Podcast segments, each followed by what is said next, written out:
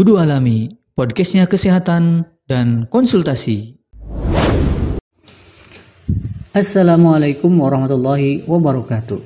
Alhamdulillah di hari yang berbahagia ini saya masih bisa menyapa good people ya di mana pun Anda berada. Dan saya doakan bahwa Anda semua bahagia dan sehat selalu. Amin. Oke good people, kita akan bahas tentang pola hidup. Kita bedah dulu Ya, kata ini terdiri dari dua suku kata. Yang pertama pola. Pola artinya bentuk atau gambar sesuatu. Yang kedua adalah hidup, yaitu terkumpulnya padanya ruh dan jasad. Oke, okay, good people. Jadi pola hidup mempunyai arti gambaran atau bentuk kehidupan seseorang.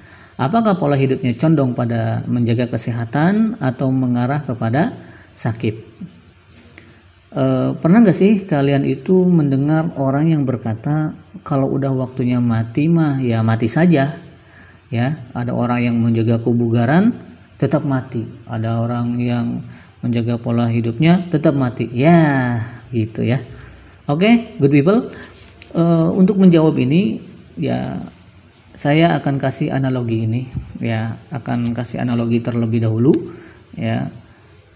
Misalkan begini kalau kalian membeli produk makanan atau minuman nih ya contohnya saja air mineral gitu ya. Misalkan kalau kualitas airnya ingin terjaga gitu pasti kita kan mengikuti petunjuk dalam kemasan seperti misalkan jangan kena sinar matahari langsung atau kalau habis minum ya botolnya tutup rapat begitu ya. Terus kalian lihat expirednya ya. Misal kalian beli hari ini expirednya tiga bulan akan datang gitu. Sekarang pertanyaannya, apakah kalian setelah mengetahui expired produk tersebut akan menyia-nyiakan kualitas minuman tersebut dengan melanggar anjuran yang tertera di dalam botol ya misalkan dengan dalih ah kalau udah expired mah expired aja lah. Ya begitu cuek aja. Mau kena sinar matahari kek mau enggak kek expired mah expired aja. Nah, terus ternyata kualitas airnya itu ya ketika kita melanggar belum masuk ke expirednya sudah dibuang. Ya botolnya airnya sudah dibuang. Ah kualitasnya udah nggak bagus. Karena kita melanggar ya anjuran yang ada pada kemasan tersebut begitu.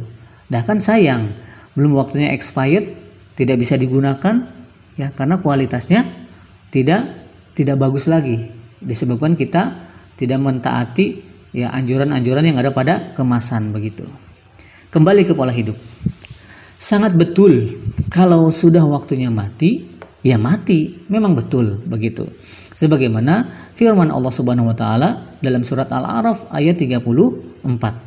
A'udzubillahi minasyaitonirrajim. Walikulli ummatin ajal. Fa idza jaa ajaluhum la yastakhiruna sa'a wa la yastaqdimun. Dan setiap umat itu mempunyai ajal atau batas waktu. Apabila ajalnya tiba, maka mereka tidak dapat meminta penundaan ataupun percepatan sesaat pun gitu. Yang jadi pertanyaan, apakah kita tahu batas waktu kita hidup di dunia ini sampai umur berapa? Nah, dikarenakan kita e, nggak e, tahu nih ya umur kita sampai berapa gitu. Kita jaga pola hidup kita begitu. Mungkin secara rata-rata umat Rasul alaihi salatu wassalam saat ini adalah umurnya 60 tahun. Kalaupun ada kelebihan berarti bonus A, amin. Bilang amin ya. Supaya kita dikasih bonus ya oleh Allah Subhanahu wa taala. Kemudian apakah kita mau sebelum usia 60 tahun sudah tidak produktif? Alias sakit-sakitan ya sakit-sakitan akibat tidak menjaga pola pola hidup begitu. Saya ya sering menemukan ya dalam mengobati pasien itu menemukan pasien yang 15 tahun mengalami diabetes yang 20 tahun gagal ginjal banyak yang 10 tahun kena kanker dan gak mati-mati. Dalam hal itu hidupnya tidak produktif menyusahkan keluarga, tidak bisa aktif seperti orang normal, ya seperti orang normal biasanya. Apakah kita mau seperti itu?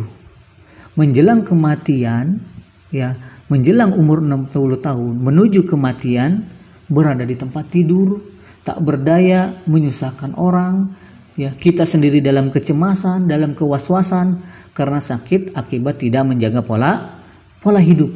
Nah, itu artinya gambarannya. Meskipun memang ya ajal itu tetap akan menghampiri kita, toh setidaknya dalam menjemput ajal kita ini, dalam menyongsong ajal kita ini, kita tetap dalam keadaan produktif. Maka dari itu jagalah pola pola kehidupan, ya, pola hidup kita begitu ya. Dan perlu diketahui juga bahwa menjaga pola pola hidup itu adalah bagian dari syariat ini. Maka ambillah agar mendapatkan rahmat. Oke, okay, good people, saya kira cukup dulu. Ya, di lain kesempatan akan saya sampaikan pola hidup seperti apa yang membuat kita selalu segar dan bugar. Ilaliko, sampai jumpa lagi. Assalamualaikum warahmatullahi wabarakatuh.